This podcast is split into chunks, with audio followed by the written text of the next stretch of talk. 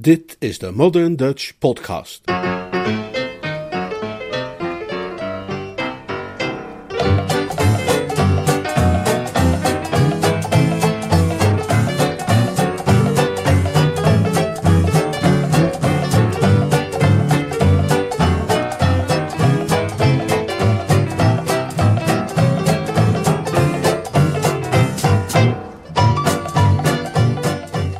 Graag gedaan.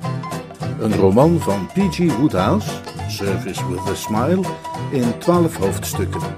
Vertaald en voorgelezen door Leonard Peug. Hoofdstuk 11 De hertog van Dunstable zat op het terras. En niet alleen op het terras, maar naar zijn gevoel ook op rozen en in de zevende hemel. De koning te rijk voelde hij zich. Hij had Lord Emsworth nog niet benaderd met betrekking tot de keizerin, maar hij wist dat als hij dat zou doen, hij daarbij een unieke plek innam in het spel van vraag en aanbod. En bovendien vond hij het een verheugende gedachte dat, over welk bedrag het uiteindelijk ook zou gaan, het toch geheel en al zuivere winst zou betreffen, zonder de gruwelijke noodzaak aan wie dan ook commissie te hoeven betalen. De herinnering aan hoe weinig het had gescheeld dat hij 500 pond had moeten afstaan aan Lavender Briggs, deed hem nog altijd huiveren. En als om te bewijzen dat het lot, wanneer zij haar zegeningen begint uit te strooien over een rechtschapen sterveling, geen grenzen kent, had bovendien zijn neef Archibald, tot nog toe een treurige last voor zijn portemonnee, zich verloofd met de enige dochter van een miljonair. Hoe die jonge aap dat voor elkaar had gekregen was hem een raadsel, maar het feit was daar en zijn voldoening was dermate groot dat toen Lord Ickenham op een stoel naast hem neerviel, hij niet eens tegen zijn snor blies. Hij hield niet van Lord Ickenham en beschouwde hem als een geschift type dat thuis hoorde in de isoleercel van een niet al te kieskeurig krankzinnige gesticht, maar deze ochtend was de hele wereld zijn vriend. Lord Ickenham keek ernstig. Ik hoop dat ik je niet al te zeer stoor, Dunstable. Je was misschien de kruiswoordpuzzel aan het oplossen? Helemaal niet, zei de hertog vriendelijk. Ik zat maar een beetje na te denken. Ik vrees in dat geval dat ik je alleen maar meer gedachtenvoedsel kon brengen, zei Lord Ickenham, en niet van de aangenaamste soort bovendien. Het is bedroevend, vind je ook niet, om te zien hoe mensen in hun nadeel veranderen bij het voortschrijden der jaren? Wie verandert er in zijn nadeel? Ik niet. Nee, jij, jij niet. Jij blijft altijd op dezelfde voorspelbare gevoelstemperatuur. Ik dacht aan die arme shoemaker. Wat is er arm aan die shoemaker? Er lag een gepijnigde uitdrukking op Lord Ickenham's gezicht. Hij bleef even stil en peinsde naar het scheen over Slevens droefheden. Alles, zei hij. Toen ik vijftien jaar geleden in New York James Shoemaker leerde kennen, was hij een man met een glanzende toekomst. En een tijd lang is het hem, naar ik begrepen heb, ook bijzonder voor de wind gegaan. Maar dat ligt nu allemaal in het verleden. Hij is volkomen aan lager wal. Aan wat voor wal? vroeg de hertog, die nooit erg vlot van begrip was. Hij is straatarm. Hij heeft geen rode cent meer. Vertel het maar verder aan niemand, maar hij kwam zojuist geld van mij lenen. Ik, ik, ik vond dat een hele schok. De hertog ging overeind zitten. Ditmaal verzuimde hij niet tegen zijn snor te blazen die kwam overeind als een waterval die de verkeerde kant op stroomt. Maar die man is miljonair. Lord Ickenham glimlachte droevig. Dat zou hij je graag laten geloven. Maar ik heb vrienden in New York die mij zo af en toe op de hoogte houden van hoe het gaat met de mensen die ik daar zoal kende. En die hebben mij zijn hele verhaal verteld. Hij is echt aan zijn laatste oortje toe en zijn faillissement kan elk moment worden uitgesproken. Je weet hoe dat gaat met die eh, Amerikaanse geldmagnaten. Ze overschatten zichzelf en gaan dan te ver. Ze nemen te veel hooi op hun vork en dan gaat het mis. Hun kaarthuis stort in elkaar. En dan is opeens een briefje van vijf al heel veel voor ze. Hij vroeg me daarnet een tientje te lenen en dat heb ik hem ook gegeven, de arme donder. Ik had niet het hart om dat te weigeren. Ja, dit moet natuurlijk onder ons blijven, dat begrijp je. Want ik zou niet graag zien dat iedereen dat te weten komt. Maar ik dacht dat ik jou toch misschien even moest waarschuwen. De ogen van de hertog puilden uit zijn hoofd als die van een slak. Zijn snor verkeerde in een constante staat van bedrijvigheid. Zelfs de kleine George had het ding nog nooit zo opgewonden gezien. Mij waarschuwen? Als die kerel denkt dat hij van mij ook maar een dubbeltje kan lospeuteren, dan heeft hij het goed mis. Nou, hij hoopt wel op iets meer dan een dubbeltje. Ik vrees dat hij van plan is te proberen jou over te halen geld te steken in een of de woest ondernemingsplan dat hij heeft. Voor zover ik het begrepen heb, gaat het om een of ander vastgoedproject ginder in Florida.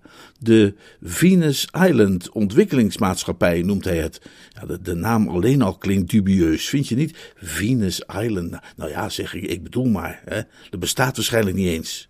Waar ik me zorgen over maak, is dat jij je misschien geneigd zou kunnen voelen om er toch in te investeren, omdat hij het zo ontzettend goed weet te brengen. Hij is bijzonder overtuigend. Maar je moet er absoluut niet aan beginnen. Wees dus een beetje op je hoede. Ja, reken maar dat ik op mijn hoede zal zijn, zei de hertog zwaar ademend. Lord Ickenham wachtte een ogenblik voor het geval de ander zijn weldoener zou willen bedanken, maar daar deze slechts voortging zwaar te ademen, keerde hij terug naar de hangmat. Hij trof daar Mr. Shoemaker, die rechtop zat en er nu een stuk beter uitzag. Hij was blij om te horen dat zijn dutje hem goed had gedaan. Hoofdpijn over? Mr. Shoemaker overwoog de vraag. Nou, over niet, zei hij. Hij was iemand die zich graag exact uitdrukte. Maar het is wel een stuk beter. Dan zou ik graag willen, Jimmy, dat jij naar de hertog gaat en hem vertelt over dat Venus Island project van jou. Ik heb net even met hem staan praten en merkwaardig genoeg zei hij me dat hij een beetje op zoek was naar een spannende zakelijke constructie om wat durfkapitaal in te steken. Hij is in wezen een enorme gokker. Mr. Schoenmaker was niet blij met die woordkeus. Een man met een kater van de afmetingen als die waar hij aan leed, vindt het lastig om zich goed te beheersen, maar hij deed zijn best. Gokker? Hoe bedoel je gokker? De Venus Island ontwikkelingsmaatschappij is zo veilig en betrouwbaar als de goudopslag in Fort Knox. Uiteraard, uiteraard, zei Lord Ickenham sussend, maar maak hem dat ook vooral heel duidelijk. Hou een overtuigend verkooppraatje. Waarom? Vroeg Mr. Schoenmaker nog steeds wat gegriefd. Ik heb zijn geld helemaal niet nodig. Nee, natuurlijk niet. Het is een geweldige gunst van jou om deel te laten nemen in het bedrijf. Maar laat hem dat in hemelsnaam niet merken. Je kent de trots van die hertogen. Ze hebben er een gruwelijke hekel aan om zich tegenover iemand verplicht te moeten voelen. Doe alsof je het nodig hebt, Jimmy.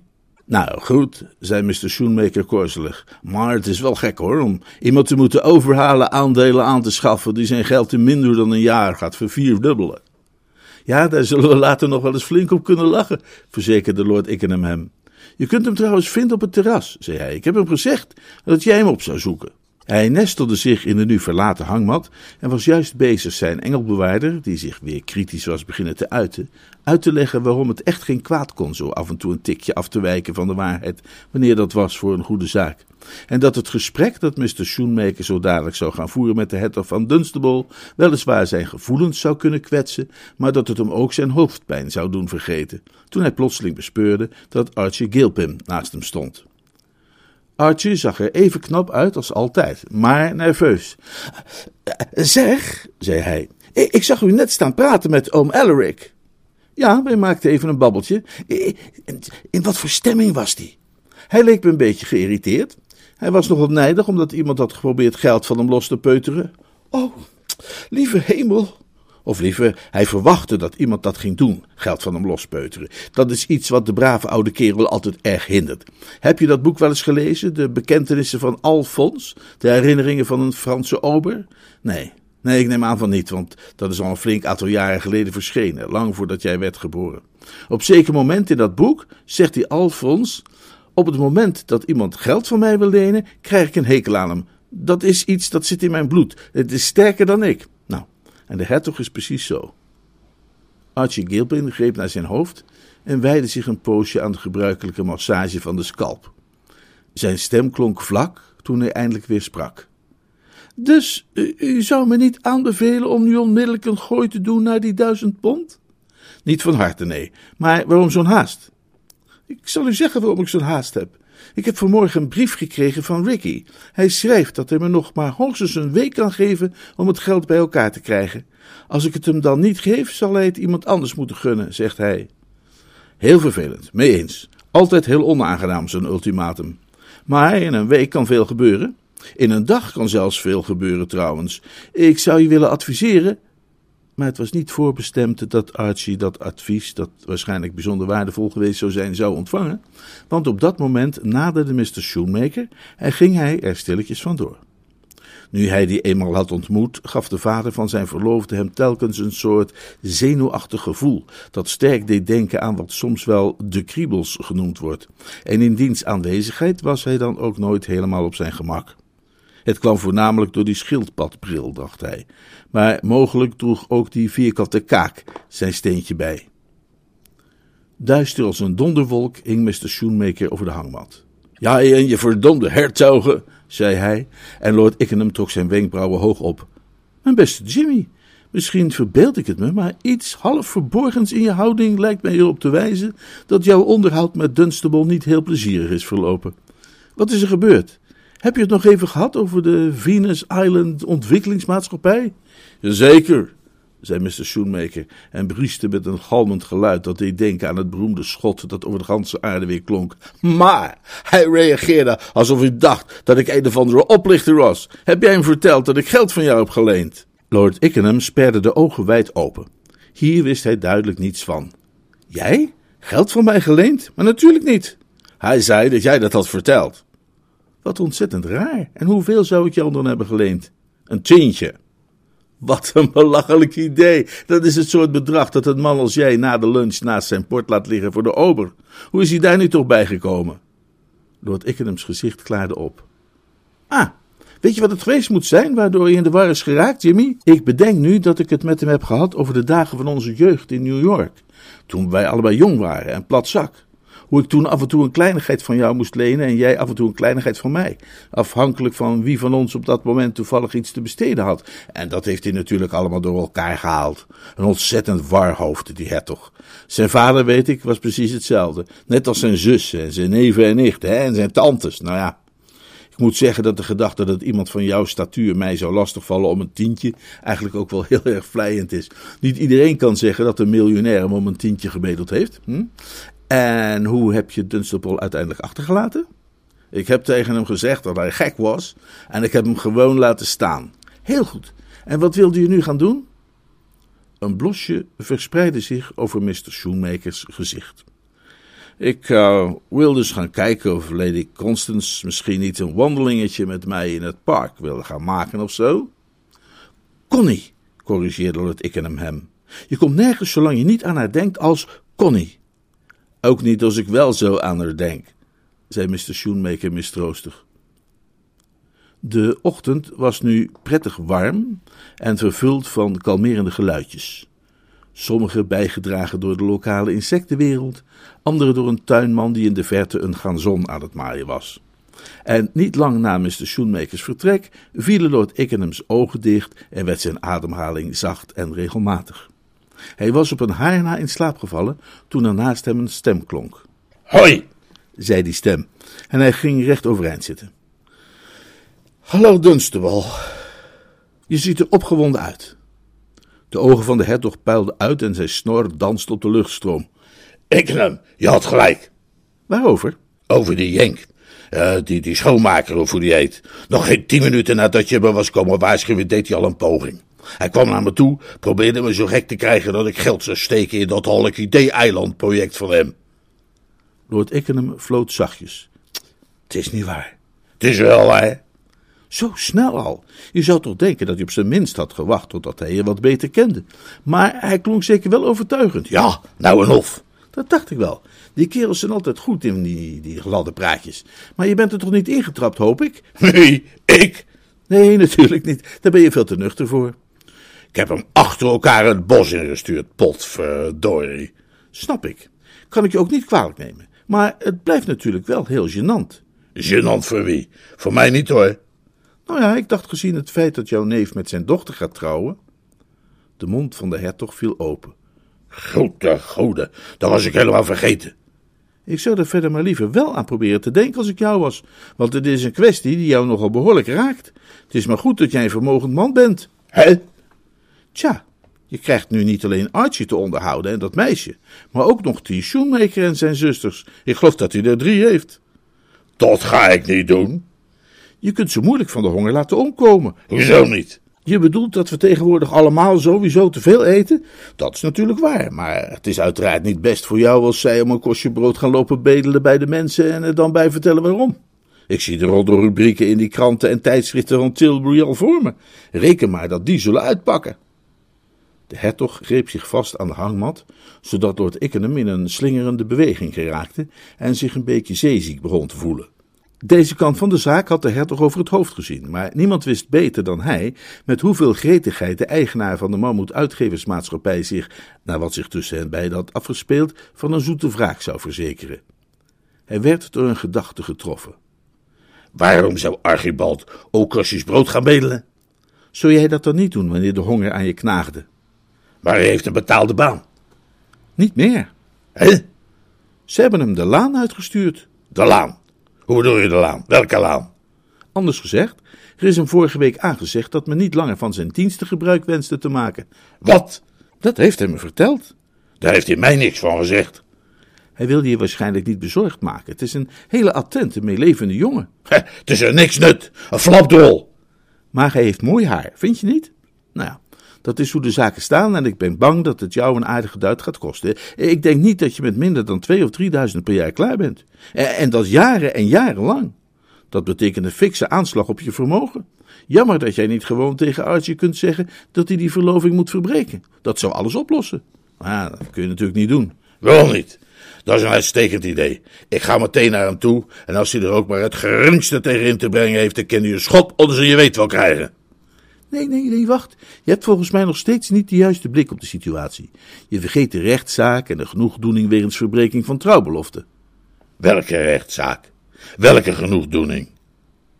Lord Ickenham hanteerde de stijl van een geduldige gouvernante die een elementair rekenkundig probleem tracht uit te leggen aan een kind dat geheel buiten haar eigen schuld als baby een keer heel hard op haar hoofd is gevallen. Maar is dat niet zonneklaar? Als Archie de verloving zou verbreken, zou het eerste wat dat meisje deed immers zijn een proces aan te spannen wegens verbreking van trouwbelofte. Zelfs wanneer zij daar niet uit zichzelf op zou komen, zou een man als Schoenmaker er wel voor zorgen dat zij dat deed. En de jury zou haar een gigantische schadeloosheidsuitkering toekennen, zonder zelfs maar te hoeven beraadslagen. Archie heeft me verteld dat hij haar massa's brieven heeft geschreven. Hoe kan hij haar nou brieven hebben geschreven, terwijl ze verdorie in hetzelfde huis verblijven? Briefjes, had ik misschien moeten zeggen. Vurige, hartstochtelijke briefjes, die hij haar overdag in de hand heeft gedrukt of s'nachts onder haar deur door heeft geschoven. Je weet hoe die verliefde stelletjes zijn. Klinkgeschrift. Maar wordt voortdurend gedaan, toch ben ik bang, wanneer het hart te jong is. Misschien heeft hij een huwelijk daarin niet genoemd. Daar zou ik maar niet te veel op rekenen. Ik weet alleen dat hij mij wel eens een keer gevraagd heeft of je witte broodsweken aan elkaar schrijft of niet, waar je wel uit kunt afleiden welke kant zijn gedachten op gingen. Je kunt niet in een brief of briefje aan een meisje over witte broodsweken beginnen zonder jezelf in problemen te brengen. Als je bedenkt wat alleen al een simpele verwijzing naar carbonades en tomatensaus Mr. Pickwick voor ellende heeft bezorgd. Hm, wie is Mr. Pickwick? Laat maar zitten. Alles wat ik zeggen wil is, wanneer die briefjes worden voorgelezen in de rechtszaal, ben de klos. Wie? Ik? Als Archibald geschift genoeg is om verstrikt te raken in een rechtszaak over verbroken trouwbeloften, dan zal hij toch heus zelf wel te blaren moeten zitten. Ik hoef geen schadevergoedingen voor hem te betalen. Maar als je dat niet doet, zul je er niet goed vanaf komen in de roddelrubrieken. Het is tenslotte je neef. De hertog sprak een bittere vervloeking uit over alle neven en Lord Ickenham gaf toe dat neven inderdaad bijzonder lastig konden zijn, hoewel zijn eigen neef Pongo, zei hij, juist van het standpunt uitging dat alle ellende in de wereld veroorzaakt werd door ooms. Ik zie maar één sprankje hoop. Wat voor sprankje? vroeg de hertog, die zelfs dat ene niet kon ontdekken. Die kerel van Ickenham mocht dan behoorlijk geschrift zijn, zei hij tegen zichzelf. Kennelijk had hij af en toe een helder moment. Wellicht is het mogelijk om dat meisje af te kopen. Hm? We hebben althans in ons voordeel dat zij niet verliefd is op Archie. Ja, hallo, wie zou er nu verliefd kunnen worden op een flapdrol als hij? Zij is nogal een treurig geval. Ken je Merryweather? Die kerel met dat gezicht. Een treffende beschrijving. Hij heeft tevens een hart van goud, maar dat kun je niet zien. Wat is er met hem? Dat is de man waarmee ze eigenlijk zou willen trouwen. Die Merryweather? Ja, maar waarom is ze zich dan verloofd met Archibald? Mijn beste Dunstable, een meisje wier vader op de rand staat van een bankroet, moet aan haar belangen denken. Zij is niet in een positie om naar haar hart te luisteren in plaats van naar haar hoofd. Wanneer zij de gelegenheid heeft om door een huwelijk verwant te raken aan een man als jij, kun je bezwaarlijk verwachten dat ze die kans niet zal grijpen. Hm, dat is waar. Ze zouden de voorkeur aangeven een huwelijk te sluiten uit liefde en niet uit zakelijke overwegingen. Maar ze ziet geen mogelijkheid om tot een gelukkig bestaan te komen samen met de man die ze bemint. Wat haar verhindert een verbintenis aan te gaan met Meriwether is geld. Of liever het gebrek daaraan. Heeft hij dan geen geld? Je hebt me verteld dat hij in Brazilië is geweest. Mensen maken hun fortuin in Brazilië. Hij niet.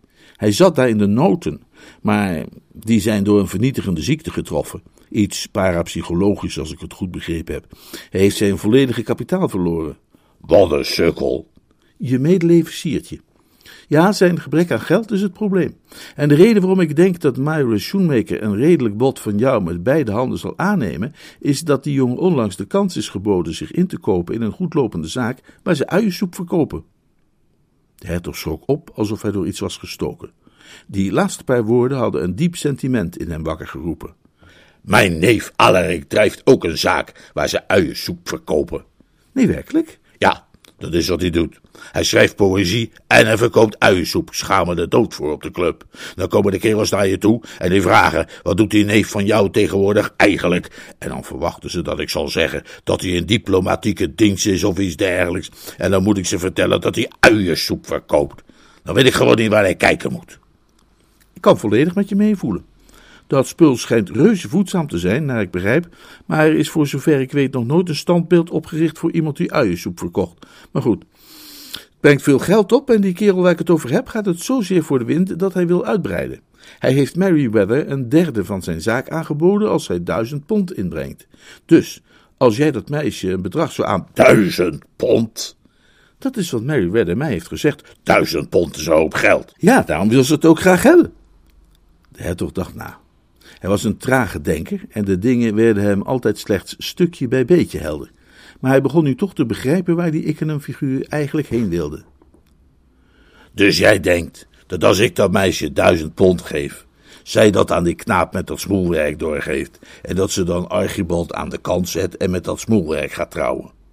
Precies, dat is het hele verhaal in een notendop. De hertog werd door een plotselinge, helende gedachte getroffen. Namelijk dat wanneer hij dat verdomde kind voor duizend pond afkocht en van Emsworth 3000 pond kreeg voor dat afschuwelijke varken, hij toch nog vet in de plus eindigde. Als het tot zijn capaciteiten had behoord om mensen dankbare blikken toe te werpen, had Lord Ickenham er stellig geen van hem ontvangen. Uh, want het leek hem dat hij de oplossing had gevonden. Hm. Ik zal meteen een cheque voor haar uitschrijven, zei hij.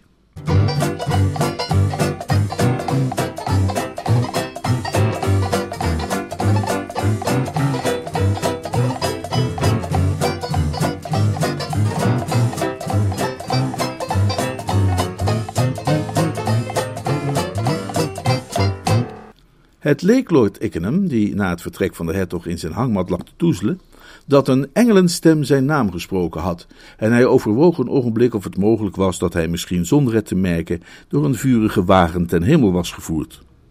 De ratio leerde hem echter al snel dat het onwaarschijnlijk was dat een engel, nauwgezet als alle engelen, hem na een zo korte kennismaking zou hebben aangesproken als oom Fred. Hij ging rechtop zitten, veegde de slaap uit zijn ogen en zag Myra Schoenmaker naast zich staan. Ze zag er even aantrekkelijk uit als altijd, maar haar kleding leek hem niet zo passend voor een ochtend op het platteland. Hallo, kleine Myra, zei hij, hoezo verkleed? Ik ben op weg naar Londen. Ik kwam vragen of er misschien een of ander cadeautje is dat ik voor u mee zou kunnen brengen. Tabak. Verder zou ik niets kunnen bedenken. Uh, waarom ga jij naar Londen? Papa heeft me geld gegeven om wat dingen te gaan kopen. Dat is aardig van hem, maar je lijkt er niet erg blij mee. Ik heb erg weinig reden om blij te zijn de laatste tijd. Het is allemaal zo naar en ingewikkeld. Het komt wel goed. Ja, dat zegt u. Ik vind dat de toekomst er veelbelovend uitziet. Nou, ik weet niet hoe u aan dat idee komt, maar ik zou willen dat u beelden ervan zou kunnen overtuigen. Die kan wel een oppepper gebruiken. Hij zit in de put? Heel diep in de put. Hij is akelig gespannen. U weet vast ook wel hoe het voelt wanneer je verwacht dat er elk ogenblik iets kan ontploffen. Uh, bloednerveus? Dat is het woord. Hij kan maar niet begrijpen waarom Lady Constance nog steeds niets tegen hem gezegd heeft. Verwacht hij dan dat ze een praatje met hem uh, zou maken? Zou u dat dan niet doen in zijn plaats? Hij heeft tegen Lord Emsworth gezegd wie hij is, en Lord Emsworth moet dat natuurlijk aan haar verteld hebben. Nou, niet per se, misschien is je het vergeten. Hoe zou je zoiets nou kunnen vergeten? Er is geen grens aan wat Emsworth allemaal kan vergeten. Vooral wanneer hij is afgeleid, zoals nu met dat varken. Wat is er dan mis met zijn varken? Het zag er prima uit toen ik het de laatste keer zag. Wat ermee mis is, is dat de hertog het hem afhandig heeft gemaakt. Hoe dan? Dat is een lang verhaal. Dat vertel ik je een andere keer nog wel. Uh, welke trein wilde je halen? Die van 10 uur 35. Ik wilde eigenlijk dat Bill ook stiekem naar het station zou komen en met me mee zou gaan. Ik dacht dat we dan misschien meteen zouden kunnen trouwen. Een heel verstandig idee. Maar wilde hij niet? Nee, hij had gewetensbezwaren. Hij zei dat het niet eerlijk zou zijn tegenover Archie. Lord Ickenham zuchtte. Gewetensbezwaren, daar blijft hij maar last van hebben. Ach, ach. Zeg tegen hem dat hij zich wat dat betreft kan ontspannen. Archie wil niet anders dan een meisje trouwen dat Millicent Rigby heet. Hij is met haar verloofd. Nee, hij is verloofd met mij. Hij is verloofd met jullie allebei. Een heel vervelende situatie voor die arme jongen. Waarom maakt hij het dan niet gewoon uit? Hij wil duizend pond van de hertog zien los te peuteren om zich in te kopen bij een uiensoepbar. En hij dacht dat als hij de dochter van een miljonair de bons gaf, zijn kansen maar klein zouden zijn. De enige koers die hem overbleef was voorlopig even niets te doen en er het beste maar van te hopen. En jij kunt jullie verloving niet verbreken omdat de Jimmy je anders mee zou nemen naar Amerika. Tot vanmorgen lag de situatie dus uiterst gevoelig. En wat is er dan vanmorgen gebeurd? De hertog heeft op de een of andere manier het wonderlijke idee in zijn hoofd gehaald dat jouw vader aan de rand staat van een bankroet en zag zichzelf geconfronteerd met het vooruitzicht tot in lengte van jaren niet alleen jou en Archie te moeten onderhouden, maar ook de complete familie Shoemaker. Zijn afschuw daarvan was zo groot dat hij zojuist hier bij mij weg is gegaan om een cheque te gaan uitschrijven van duizend pond, waarmee hij jou hoopt te kunnen afkopen. Hij wil mij afkopen? Ja, opdat jij Archie niet wettelijk zult aanklagen wegens het verbreken van zijn trouwbelofte. Als je hem spreekt, neem die cheque dan aan bij wijze van schikking, zet hem op naam van Archie en deponeer hem bij zijn bank. Als je trein niet te laat is, ga je dat precies halen. Zorg wel dat je dat beslist vandaag nog doet. De hertog geeft de onhebbelijke gewoonte zijn checks tegen te houden. En als je de situatie uitlegt aan Bill, is het goed mogelijk dat hij met je meereist in de 10 uur 35. En dan kunnen jullie morgen nog eens teruggaan naar dat stadskantoor. En dan alsjeblieft wel hetzelfde stadskantoor deze keer. Dat zou de zaak mooi afronden. Het bleef even stil. Myra haalde diep adem. Om Fred, heeft u dit geregeld? Lord Ickenham keek verbaasd. Geregeld? Heeft u de hertog verteld dat mijn vader failliet was? Lord Ickenham woog dit even in gedachten. Tja, nu je dat zo zegt, uh, bedenk ik dat het best wel eens zo zou kunnen zijn dat ik me misschien wat slordig heb uitgedrukt en dat hij mijn woorden op die manier heeft opgevat. Ja, bij nader inzien zou ik wel eens iets in die geest gezegd kunnen hebben.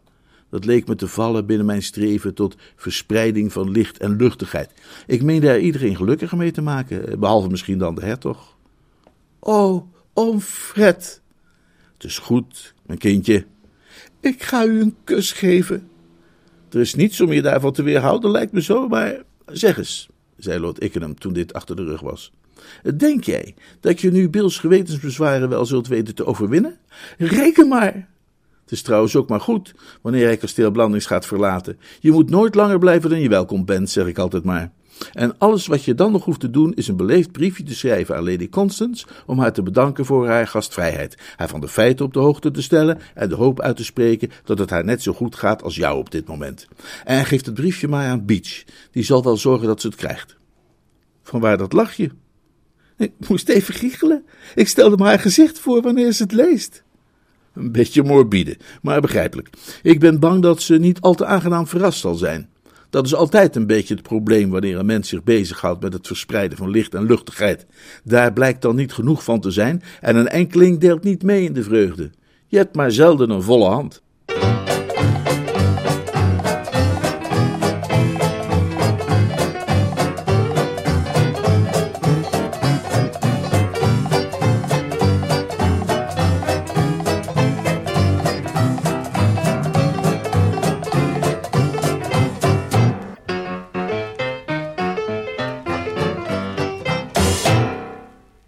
De nieuwe vertalingen van P.G. Woodhouse worden in boekvorm uitgegeven door uitgeverij IJzer in Utrecht en zijn verkrijgbaar bij de boekhandel, rechtstreeks bij de uitgeverij of via leonard@moderndutch.nl.